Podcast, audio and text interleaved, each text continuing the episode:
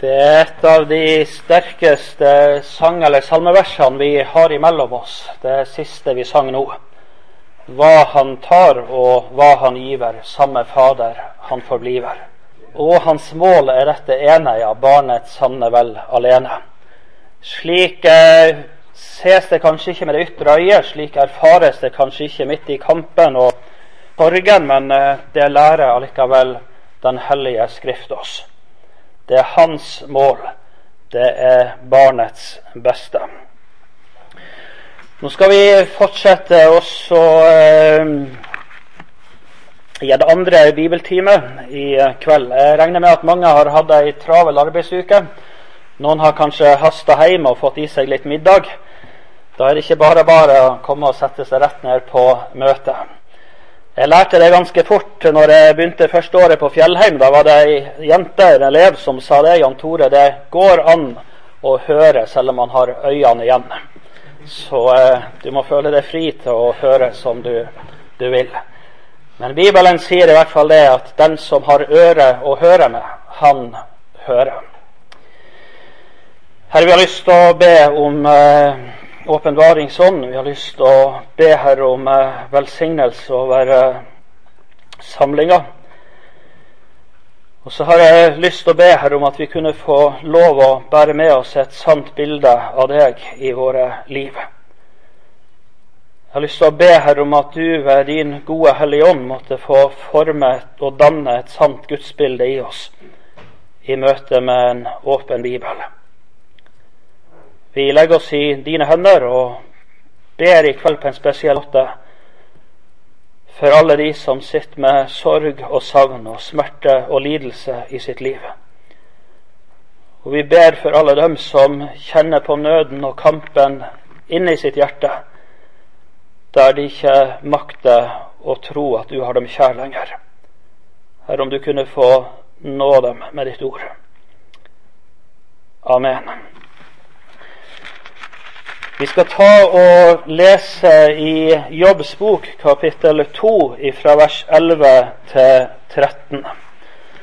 Jeg sa det i forrige time at uh, denne timen så skal vi snakke sammen om uh, Jobbs tre venner. Om deres forkynnelse, deres sjelesorg, uh, og helt til slutt hva det virka i Jobb sitt liv å sitte i møte med en sånn forkynnelse og i møte med slike råd. Vi skal eh, ta og eh, lese noe aller først fra kapittel to. Jeg kan bare si det helt kort. Du møter altså ni kapittel i Jobbs bok som bæres fram av disse Jobbs tre venner. Elifas eh, han taler i kapittel fire og fem i kapittel 15 og kapittel 22.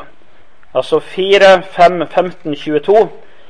Bildet han taler i kapittel 8, 18 og 25. Og Sofar han taler i kapittel 11 og 20. 11 og 20. Men nå leser vi sånn som det står i Jobbs bok kapittel 2 vers 11. Da Jobbs tre venner fikk høre om all den ulykken som var kommet over ham, kom de fra hver sitt hjemsted. Elifas fra Teman, Bildad fra Sjoa og Sofar fra Naama. De ble enige med hverandre om å gå til ham for å vise ham medynk og trøste ham. Mens de var et stykke på avstand, så de opp, men de kjente ham ikke igjen. Da brast de i gråt og flerret ytterkappene sine og de kastet støv opp imot himmelen så det falt ned over hodet på dem. Så satt de hos ham der på jorden i sju dager og sju netter. Ingen sa et ord til ham, for de så at hans pine var meget stor. Og så er det altså at kapittel tre kommer, der hvor det står at deretter åpnet Jobb sin munn og forbannet den dagen han ble født. Nå er vel eh, sånn at uh, vi leser fra kapittel 1 og utover, eller fra den første side og utover, stort sett bestandig når vi leser våre bøker. I møte med Jobbs bok så ligger det allikevel ei setning i det aller siste kapitlet, på det siste blad, som kan være svært nyttig å lese før vi leser resten av boka. I sammenheng med at vi nå skal si noe om eh, Elifas, Bildad og Sofar og dømmes forkynnelse. Og det er det som står i kapittel 42 og vers 8. Eh, Ta derfor sju okser og sju værer og gå til min tjener Jobb og ofre dem som brennoffer for dere. Og min tjener Jobb skal be for dere. Bare ham vil jeg bønnhøre, så jeg ikke gjør med dere etter deres uforstand. Og så skal du høre. For dere har ikke talt rett om meg som min tjener Jobb. Det sier Gud. Han samler all dømmes forkynnelse i disse ni kapittel i Jobbs bok i den setning at han sier at de har ikke talt rett om han. Vi leser i det nye testamentet, for så vidt også i Det gamle, men ikke minst i Det nye testamentet, og om de siste tider, så løftes det igjen og igjen fram at det skal stå fram lærere som lærer vrangt. Eh, og det nevnes på enkelte plasser også hva læres det vrangt om. Og det er ulike ting, det er mange forskjellige ting. Men noen de lærer at det ikke finnes en oppstandelse. Noen lærer det at Kristus han var ikke kommet i kjød. Noen han lærer det at eh, du skal bare leve akkurat slik som du vil om du vil til himmelen. Det går godt uansett. Men det er kanskje den eneste plassen i Bibelen der du møter ni hele kapittel med det som Gud kaller for vranglære. Det burde anspore oss til å bøye oss på en spesiell måte over disse kapittel i Bibelen og be om visdom og åpne øyne for å se hva er det som læres. Vi kan være kjempeopptatt av vranglære og samtidig aldri åpne disse kapittel der du møter vranglærere som forkynner og forkynner inn i jobb sitt liv.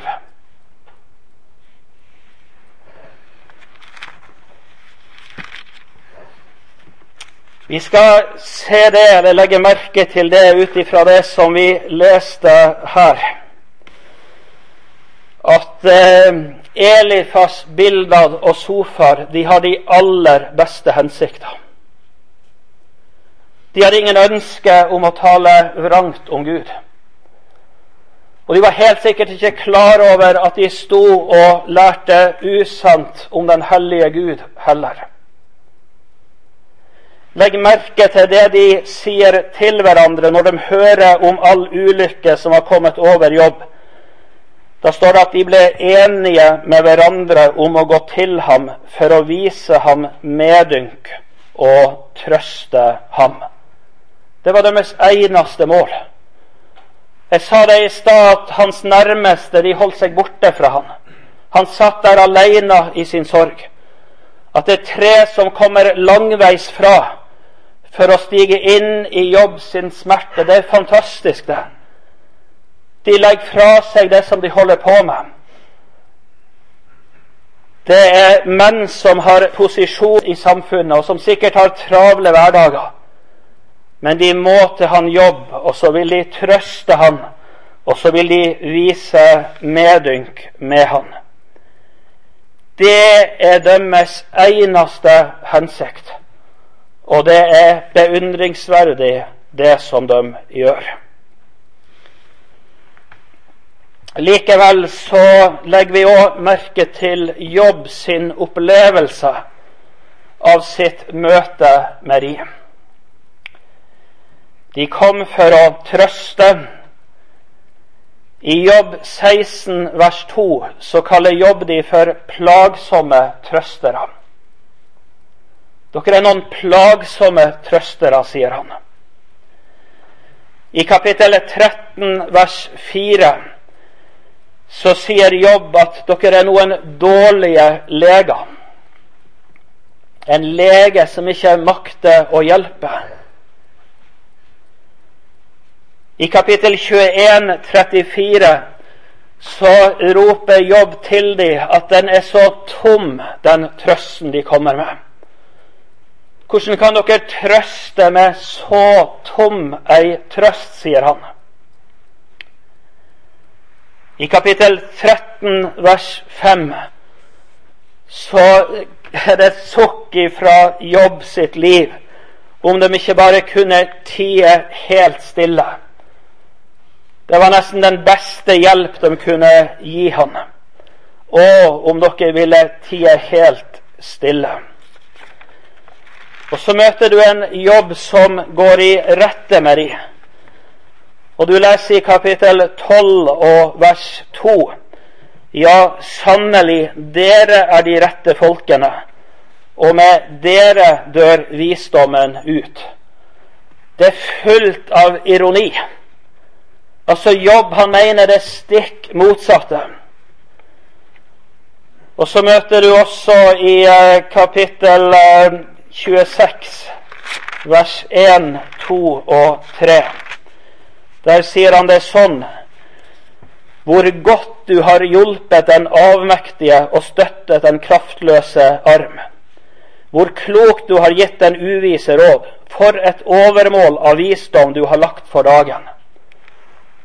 Han er full av ironi når han taler dem i rette.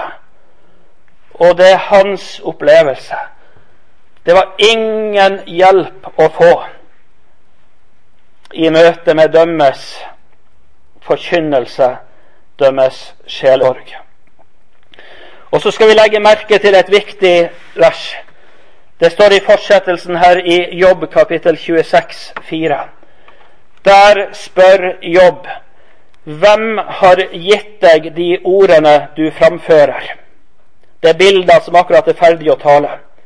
Hvem har gitt deg de ordene du framfører? Hvem kommer den fra? Den ånd som går ut ifra deg. Altså Han spør hvor, hvor henter dere det fra? Hvor har dere det fra? De kommer med et inderlig ønske om å hjelpe jobb. Og så spør jobb hvor har dere det ifra? Har du lagt merke til at det svarer Jobbs venner på? Og vi skal ta med oss eh, det som Bildad sier i kapittel 18. Eh, kapittel 18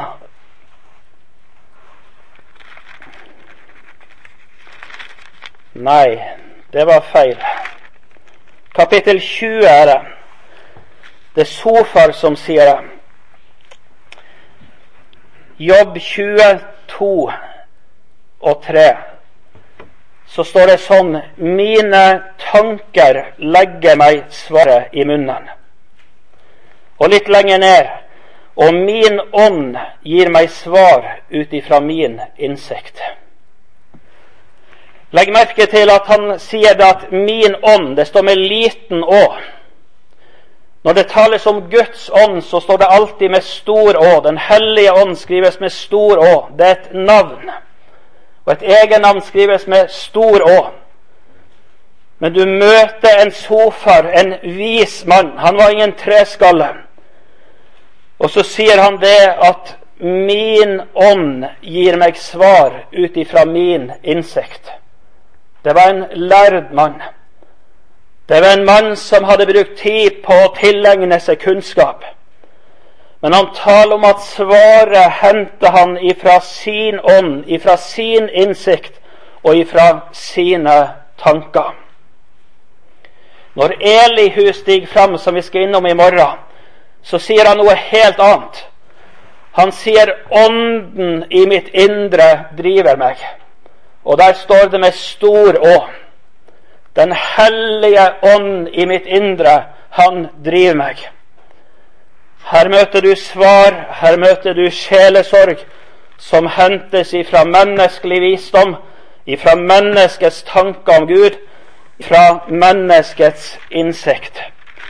Og vi skal også ta med oss Elifas, eh, der hvor han eh, setter ord på det i kapittel 4 og vers 8. Så sier han det sånn etter det jeg har sett, osv. Altså at han taler ut ifra det som han sjøl har sett. Han taler ifra sin egen erfaring, ifra sine egne tanker, ifra det som er synlig for hans eget øye i historien. Og så er det så kolossalt med forkynnelse og sjelesorg som hentes ifra slike kilder i dag. Også i lutherske kirker og bedehus. All forkynnelse og all sjelesorg, det skal hentes ifra Den hellige Skrift. Og det er det som skal få danne og forme vårt trosliv. Elifas, Bildad og Sofar de hadde ingen ønske om å tale urett om Gud. På ingen måte. Tvert imot. De ville si det aller beste de visste om Gud, inn i livet til jobb. Når vi bruker tid nå, en eh, time på deres forkynnelse, så eh, kan det være at du tenker ja, men jeg er ikke noen predikant, jeg er ikke noen forkynner. Det, det, det er kanskje ikke noe for meg. Alle vi mennesker vi kommer i situasjoner der hvor vi som Guds barn ønsker å gi et råd eller bære et ord inn i livet til et menneske som har det vanskelig eller vondt på et eller annet vis. Livene våre er et vitnesbyrd der vi vandrer, i, der vi vandrer fram. Og det vi skal være klar over også med Elifas, Bildad og Sofar, på samme måte som alle andre som stiger fram og forkynner Guds ord, det er at dømmes forkynnelse det speiler bare dømmes eget gudsbilde. Det er et speilbilde av deres eget bilde av Gud som de bærer med seg i sitt liv. Det var ikke det at de ønska å forkynne falskt om Gud. Men deres gudsbilde var falskt.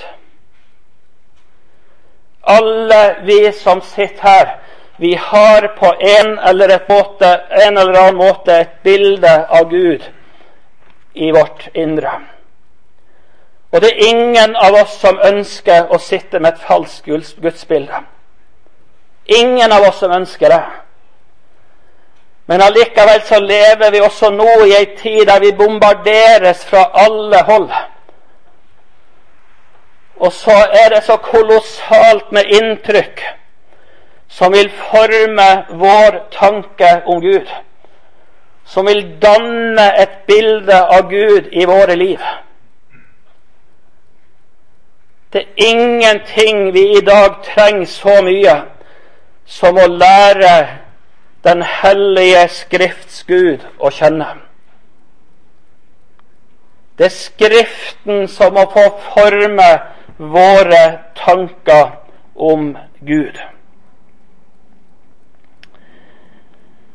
Jeg er overbevist om at Elifas, Bildad og Sofar er ingen sjelden gjest rundt på prekestoler heller her i Norge. Vi møtte det voldsomt sterkt, ikke minst i Sør-Amerika, men også i vårt eget land. Så møter du et ekko av sofaer, av bilder og Elifas. Og det som jeg sjøl er redd for i mitt eget liv, det at jeg skal bli en Elifas eller en Bildad eller en Sofar. At jeg skal bli en som taler usant om Gud. At vi skal bli det.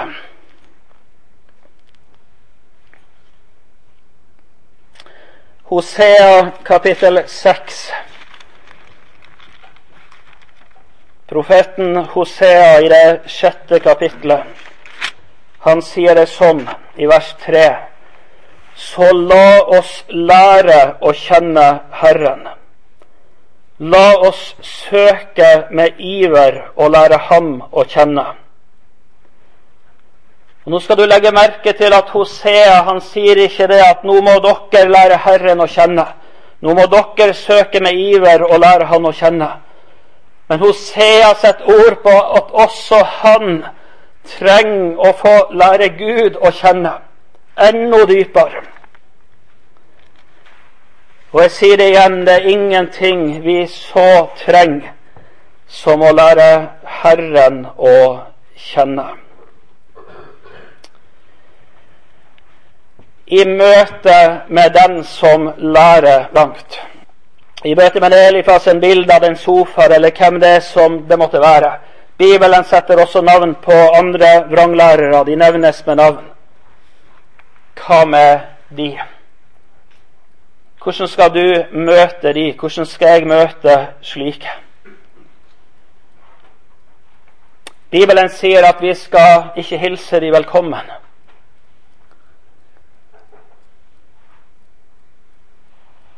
Bibelen sier noe praktisk og bærer noen formaninger inn i våre liv også om det. Men samtidig så møter du noe her i Jobbs bok om hvordan Gud er i møte med den som lærer vrangt om Han. Vi leste det i kapittel 42 og vers 8. Det var én ting Gud var opptatt av, og det var at det måtte bli et møte mellom de og det skyldofferet som skulle bæres fram. Det står om en jobb som skal lukke disse tre inn i sine bønner, som skal be for dem, for at Gud ikke skal gjøre med dem etter deres uforstand. Iblant så kan vi holde våre kretsmesterskap i å tale stygt om de som lærer vrangt. Og vår tunge den kan løpe løpsk når enkelte navn både på prester og predikanter kommer fram. Men Gud han er opptatt av at også disse må få plass i bønnelivet. Og at de må få et møte med Herrens offer som kan bli til soning for all deres synd. Når Jesus i sitt mørke på Golgata roper 'Min Gud, min Gud, hvorfor har du forlatt meg?'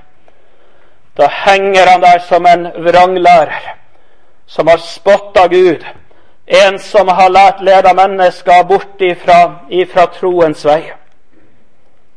Ja, men han talte jo bare sant. Han ble gjort til synd. Han ble gjort til det som alle vi mennesker har gjort og er i oss. Og så soner han også for den synd i denne verden. Det var Gud opptatt av i kapittel 42 at det måtte bes for dem. At de måtte finne tilgivelse for si uforstand. Og den tilgivelsen, den er det ikke en eneste en av oss som sitter her, som ikke trenger. Det er ingen som er fri for uforstand, heller i vår vitnetjeneste og i vår vandring som Kristi brev i denne verden. Hva lærer de for noe? Elifas, Bildad og Sofar. Hva forkynner de? Jeg har på ingen måte oversikt over eh, så masse, men jeg hadde lyst til å ta fram noen trekk i alle fall i kveld. Og Det første jeg har lyst til å si, det er at de taler om Gud. De lærer om Gud. Og det er mange som tenker at bare det sies noe om Gud, så er det jo fantastisk. Bare Gud på et vis blir samtaletema eller sentrum, så, så er det jo kjempefint. De taler ikke rett om Gud. Og det er ikke all tale om Gud som leder i ei god retning. Det skal vi se på helt til slutt i kveld. Jeg synes det er vanskelig å åpne disse ni kapittel i Bibelen. Altså kapittel 4, 5, hva jeg sa, 8, 11, 15, 18, 20, 25, tror jeg det. Å vite at dette stempler Gud som usann lære. Jeg synes ikke det er lett å bla i disse kapitlene og, og, og, og stoppe ved det og det verset og si at ja, men det er jo feil, og det er jo feil, og det er jo ikke riktig. Jeg synes det er kjempevanskelig. For det sier så mye som høres så rett ut og så godt ut, og som er så i tråd på mange måter med andre bibelsteder. Kan hende du har det annerledes, men jeg syns det er kjempevanskelig å peke og si ja, men det er jo helt, helt vrangt. De taler mye om Gud. Likevel så er summen av deres forkynnelse stempla som falskt. Selv om det er mye fint de sier, selv om det er mye godt de sier om Gud. La du merke til i kapittel to, som vi leste sammen, så kommer de og går jobb i møte. Og så blir de sittende der i syv dager uten å si et eneste ord. De ser han på avstand. De kjenner han ikke igjen. De er så nærme likevel at de burde kjenne han, men så herja sitter han jobb der at de kjenner han ikke igjen. Og så gråter de, og så sønderriver de sine klær. Og det sier noe om at de var glad i han jobb. De ville han jobb det aller beste. De gråter i møte med det de ser i møte med den ytre nød, så sitter de der uten et eneste ord. Og Det er mange som har sagt det, at eh, ofte så var det bare godt å kunne sitte og vite at det var noen som hørte på meg, om det ikke var noe som ble sagt. En han sa det at det ikke er tilfeldig at man er skapt med to ører og én munn de tier i syv dager. Men ifra kapittel tre og utover, når den indre nød som jobb bærer på, brettes ut for dem, da har de masse å si. Og Nå sier den indre nød, nå tenker jeg ikke på sorgen og savnet, men akkurat det vi har snakka om, altså selve gudsforholdet. Da har de masse å si. Da stiger de fram som noen dogmatikere som vil bære ei lære inn i jobb sitt liv. Jeg vet ikke om du kjenner en dansk forkynner som heter Frank Jacobsen. Har du hørt det navnet? Det er mange som nikker. Vet du hva han sier? Han sier det at den nød som jobb på et vis bretter ut for dem, den er de sjøl helt ukjent med i sitt liv. Og derfor blir alle deres svar så enkle. Fikk du tak i den? Den nød som de møter i jobb sitt indre, det er en nød som de aldri har kjent på sjøl. Den er så fremmed for dem. Og derfor vi dømmes svar så lett, så enkelt. Og så er de så opptatt av å forklare alle ting og finne hvordan det henger, henger sammen.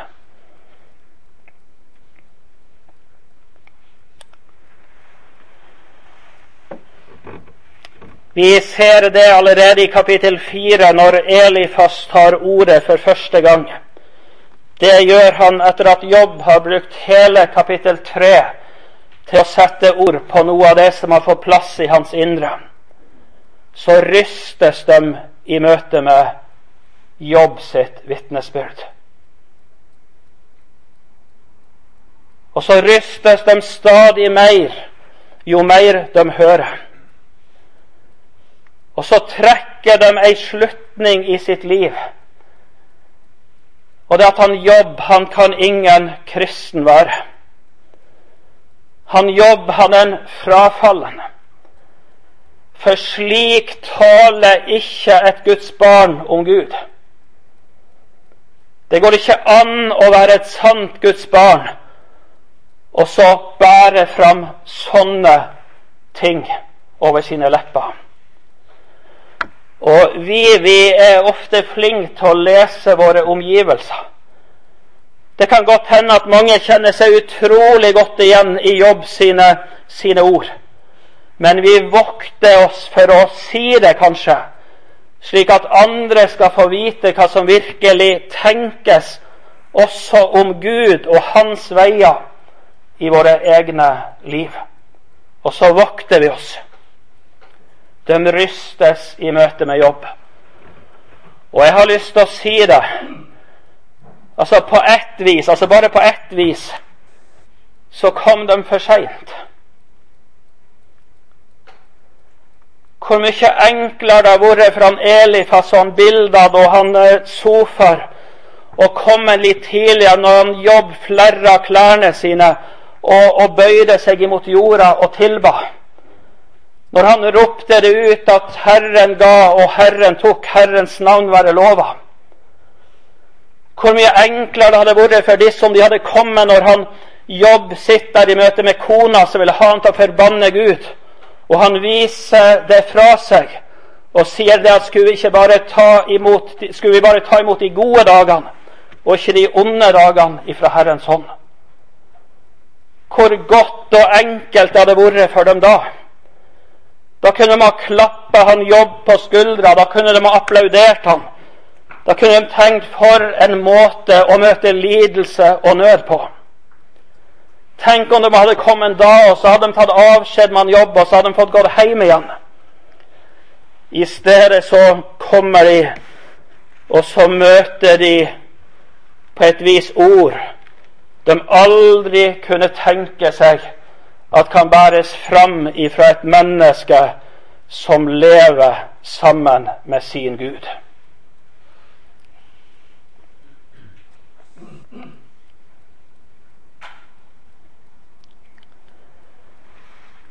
Vi skal eh, lese noen vers fra kapittel fire. Jeg sa det at jobb han regnes som en frafallen. Ehm,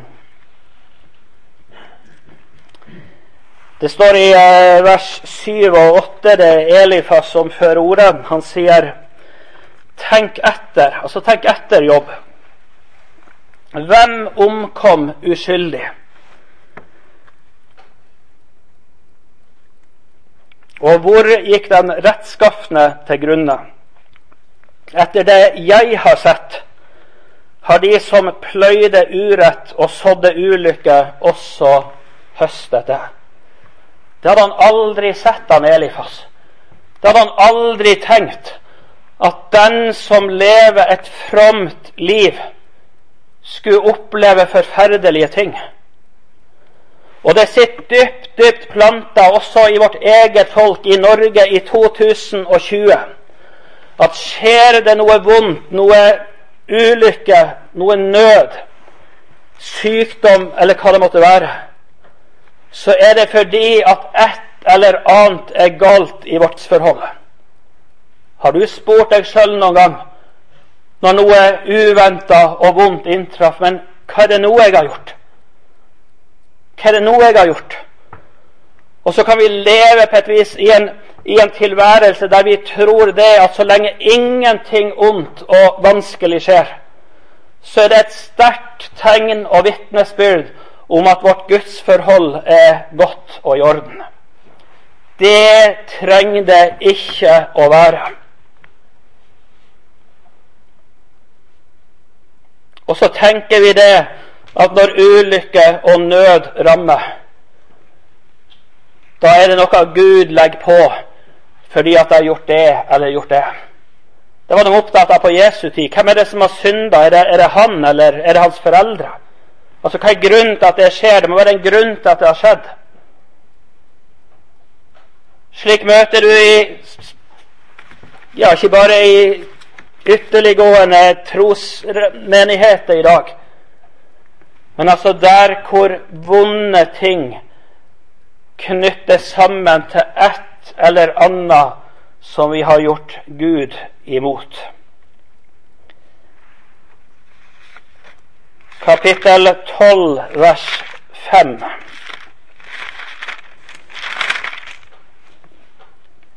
Der står det sånn, og det er Jobb som sier. Men det sier han i møte med disse som, som, som, han, som han sitter og hører på. Han sier at den trygge føler bare forakt for ulykken. Han tenker at den rammer bare dem hvis fot allerede vakler. Han Elifas og han Bildad og han Sofar de hadde aldri møtt noe i nærheten av det som han Jobb hadde møtt. Han sier han Elifas han hadde aldri sett den rettferdige måtte lide. Og så lever det så klart i hans tanke at, at, at forholdet til Gud, det er rett, det er godt. Det er ingenting vondt som har hendt. Og så forakter den trygge den som sitter i møte med ulykka. Og tenker at det rammer bare den hvis fot allerede vakler. Vi skal inn i eh, kapittel 18. Vi skal lese noen vers. 18 eh, eh, Kapittel 18 og vers 21. Eh, hvis du leser litt tidligere, Vi skal lese et par vers også lenger opp i kapittelet, men eh, det siste, siste verset i kapittel 18. Eh, så skildrer eh, han Bildad omtrent det som har skjedd i Jobb sitt liv. Da, da, da snakker han litt i sånne generelle vendinger, generelle termer. Men, men det er egentlig Jobb sitt liv som løftes fram. Og så sier han det til Jobb i vers 21, 1821. Ja, sier han, slik går det med den urettferdiges bolig. Slik går det med hjemmet til den som ikke kjenner Gud.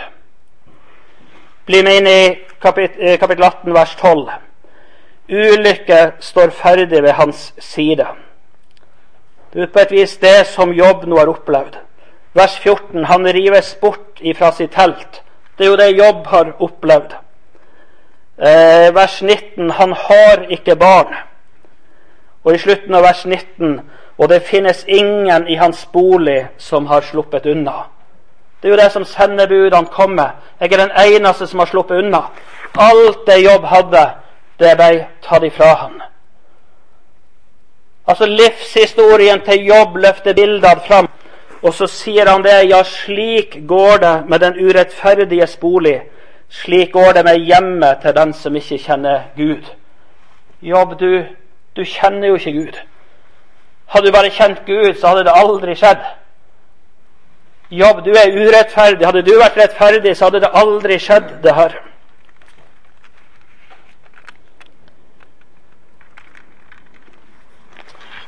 Og så riv disse tre på et vis troa ifra han Jobb. Så vi kommer tilbake til. Det neste jeg har lyst til å si, det er det at eh, når Elifas, Bildad og Sofar skal komme Jobb til hjelp, så vender de Jobb sitt blikk inn i hans eget hjerte. De tar Jobb med på vandring rundt i hans egen kristendom, i hans egen etterfølgelse, i hans eget liv. Igjen og igjen så møter du en forkynnelse som peker nedover og innover i Jobb sitt liv. Han møter en forkynnelse som gjør at han blir opptatt av seg sjøl sterkere og sterkere. Møter du noe sånt i 2020 i lutherske kretser i dag? Der vi tas med inn og blir så enormt fokusert på vår anger og på vår bot og på vår givertjeneste og på vårt bønneliv og på vår, vår, vår vitnetjeneste. På vår andaktsstund osv. De tar jobb igjen og igjen med inn i hans eget hjerte. Jeg er overbevist om at alle vi vi, vi, er så på et vis innkrøpla i oss sjøl at vi, vi, vi, har en trang på et vis etter å leite etter noe godt og fint i vårt indre. Og da skjer det enten da skjer det ett av to. Enten så blir en hovmodig og forakter alle andre som ikke lyktes like bra. Eller så blir man så utrolig mismodig og det blir man når loven får trenge inn og jage en skrekk inn i samvittigheten i møte med det mennesket som har brutt Guds bud. Da blir vi fortvilt, og så blir vi mismodige. De kommer for å trøste jobb, for å hjelpe jobb. Men det finnes ikke noe trøst eller noe hjelp i våre egne forderva hjerter. Men legg merke til det. De leder hans blikk inn i hans eget liv, i hans egen kristendom, om du vil bruke det begrepet. Og de eh, oppmuntrer han jobb med verdens beste hensikter. Du må bare manne deg opp i jobb. Du må bare bekjenne. Du må bare få noe på avstand ifra ditt liv. De kaller han til oppgjør, til bekjennelse, til et nytt alvor. Det gjør Elifas, det gjør Bildad, og det gjør Sofar. Og det er jo, det er jo flott. Det er jo fantastisk på mange måter at det, det kalles et oppgjør og til bekjennelse.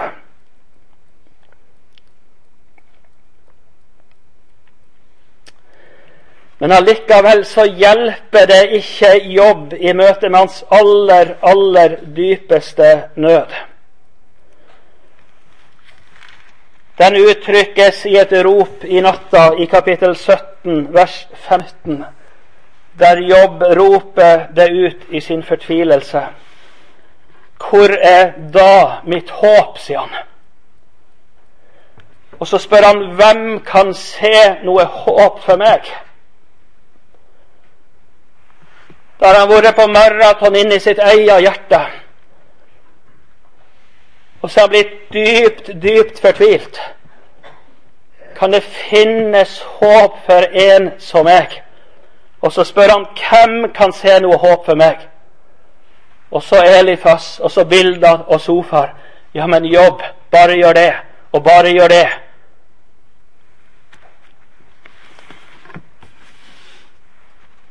Vi skal åpne noen bibelvers i Jobbs bok. Det forkynnes på en sånn måte at alt beror på han jobb sjøl.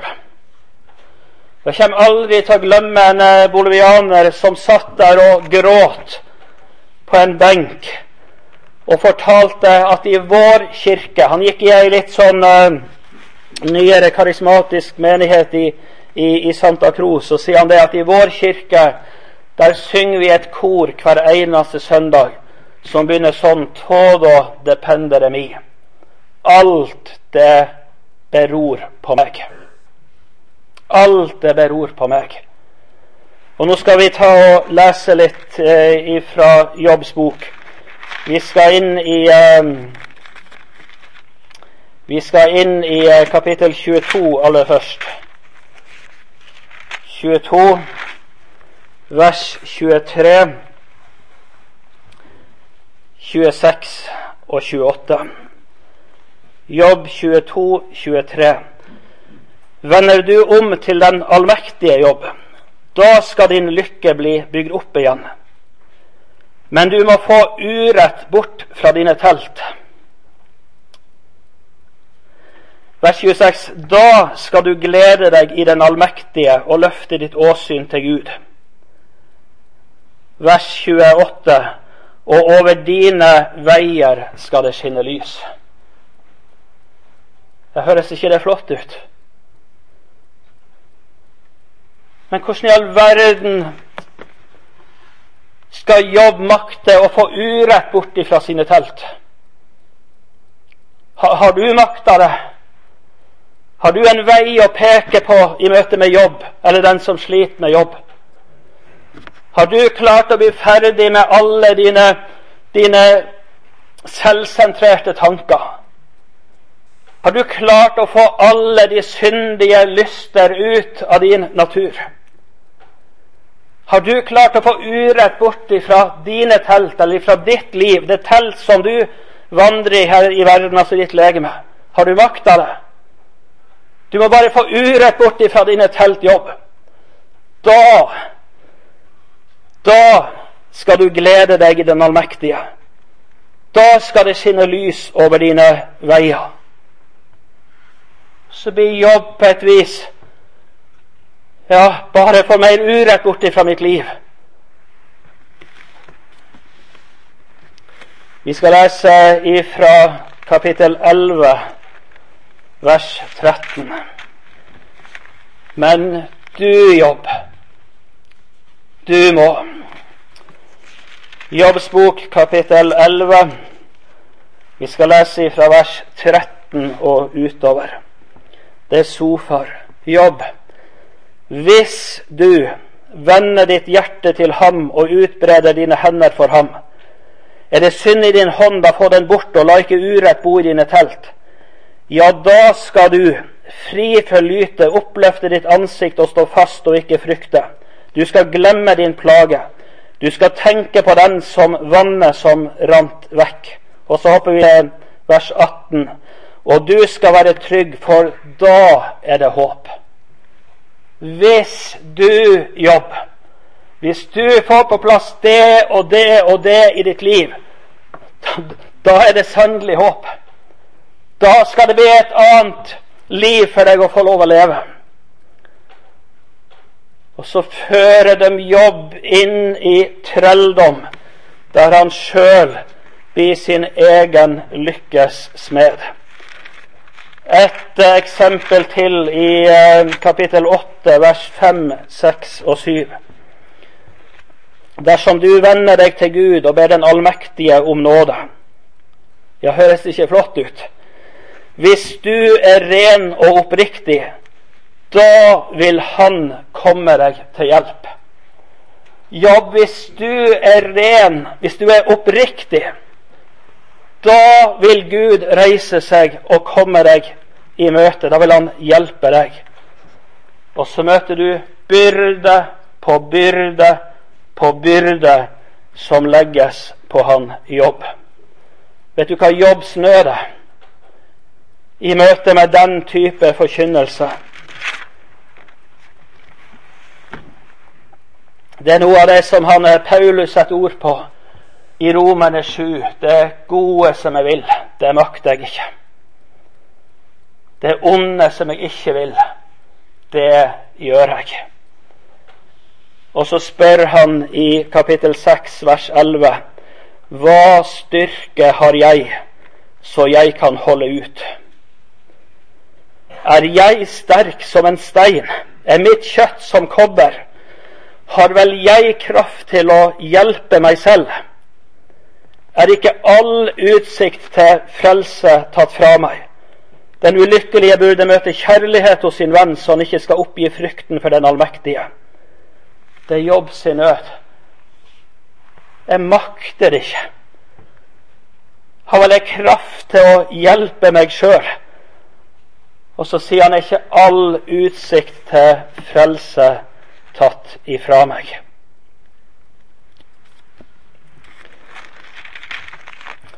Så kunne vi ha fortsatt. Vi skal ikke gjøre det. Vi skal avslutte ganske snart. Det er ikke så lett å peke på at det er feil, og det er feil, og det er feil. Jeg har en mor som eh, sier det iblant, at eh, det er jo ikke det som er så så vanskelig, alt det som sies, men det er jo det som ikke sies. Sånn kan hun oppleve forkynnelsen enkelte ganger når hun går for å høre. Det er ikke det som sies som er feil, men det er jo det som ikke sies, som så feil. Det er summen av deres forkynnelse som på et vis leder som leder bort ifra, ifra Herren. Er det noe de ikke forkynner? Når jeg satt og granska og leste litt i disse kapittel før, før vi i, i, forkant av denne helga Jeg har ikke funnet ett ord om Messias. Jeg har ikke funnet ett ord om Jesus. Jeg har ikke funnet ett ubetinga løfte. Jeg har funnet masse betinga løfter, masse kjempefine løfter som de løfter fram. At Gud vil gjøre det og det. Men bestandig de løftene som det er knytta en betingelse til.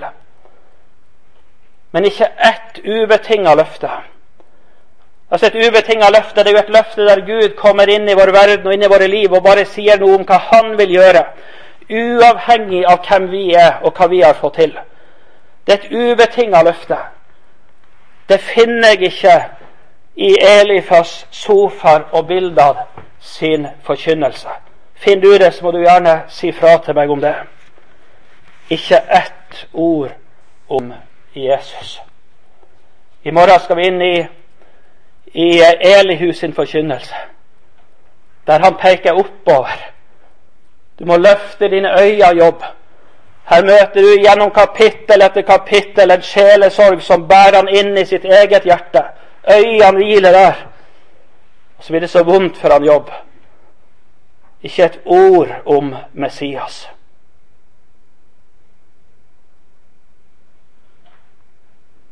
Det sto to jenter og gråt etter et møte. Det er så sjelden vi får høre om Jesus, sa dem.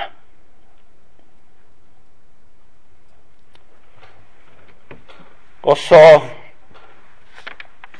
til slutt to bibelvers. Hva gjorde det med jobb? Jeg vet ikke hvor lenge han satt der, men det var helt sikkert mer enn bare noen små timer. Jeg veit ikke. Dager, uker. Jeg aner ikke. Men det er noe som skjer i hans liv kan det virke som. I møte med en forkynnelse der alt dreier seg om mennesket og, og, og, og en sjøl. Jeg sa han forkynte ikke ord om Jesus til ham. Det er jobb som forkynner om Jesus til disse. Vi ga noen glimt i forrige time. Talte om sin talsmann, om sin gjenløser osv. Jeg skal lese to bibelvers. Et forholdsvis tidlig i Jobbs bok, kapittel 9, vers 2. Der sier han Da tok Jobb til orde og sa, ja visst, jeg vet at det er slik. Hvordan skulle en mann kunne ha rett mot Gud? Og så skal du høre hva han sier i vers 15, Jobb 9, 15. Jeg som ikke kunne svare, selv om jeg hadde rett, men bare måtte be min dommer om nåde. Slik levde Jobb med Gud. Det var den eneste plassen han visste av på mange måter. Det var det å få lov å bøye seg ned og bekjenne og rope sin dommer om nåde. Og så sitter han under en forkynnelse, en sjelesorg, som tilsynelatende gjør jobb hardere og hardere og mer og mer egenrettferdig og hard. Og så kommer vi inn i det aller siste som han sier omtrent i denne del før Elihu tar til orde. Han sier det sånn, jeg skal lese fra vers 35 i kapittel 31. Og om jeg hadde noen som ville høre på meg, se her er underskriften, la den allmektige svare meg. Og om jeg hadde det skriftet motparten min har satt opp. Sannelig, jeg skulle ta det på min skulder, jeg skulle feste det til mitt hode som en krone. Jeg skulle gjøre ham regnskap for alle mine skritt, Som en fyrste skulle jeg møte ham. I kapittel 9 så taler han om at han ikke veit noe annen vei enn å falle på sine knær og rope sin dommer om nåde. Og i kapittel 31, i det aller siste avsnittet, så bekjenner han så frimodig. Han skulle gå Gud i møte, og han skal møte han som en fyrste. Har du sett hvordan en fyrste trer fram i denne verden? Når en fyrste, en konge eller hva det måtte være, stiger ut av et fly, der rulles det en rød løper ut. Der står de og klapper og bøyer seg i møte med Han som kommer. Der står de med sine gaver og, og, og rekker fram. Sånn skulle jeg gå Han i møte. Sånn skulle jeg gå Han i møte.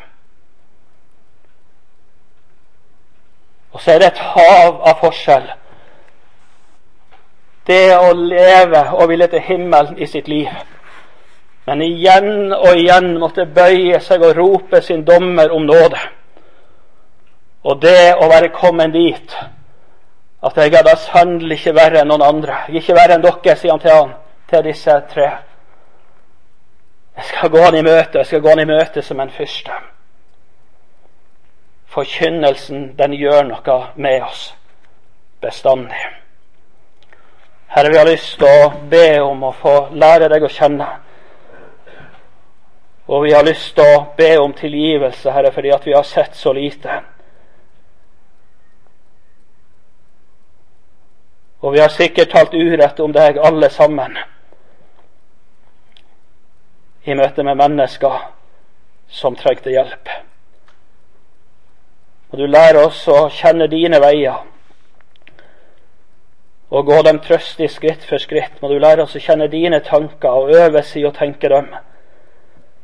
Og så må du framfor alt la oss lære å kjenne din grenseløse kjærlighet, slik at vi kunne få være slike som fikk hjelpe hverandre til Jesus, og bli opptatt av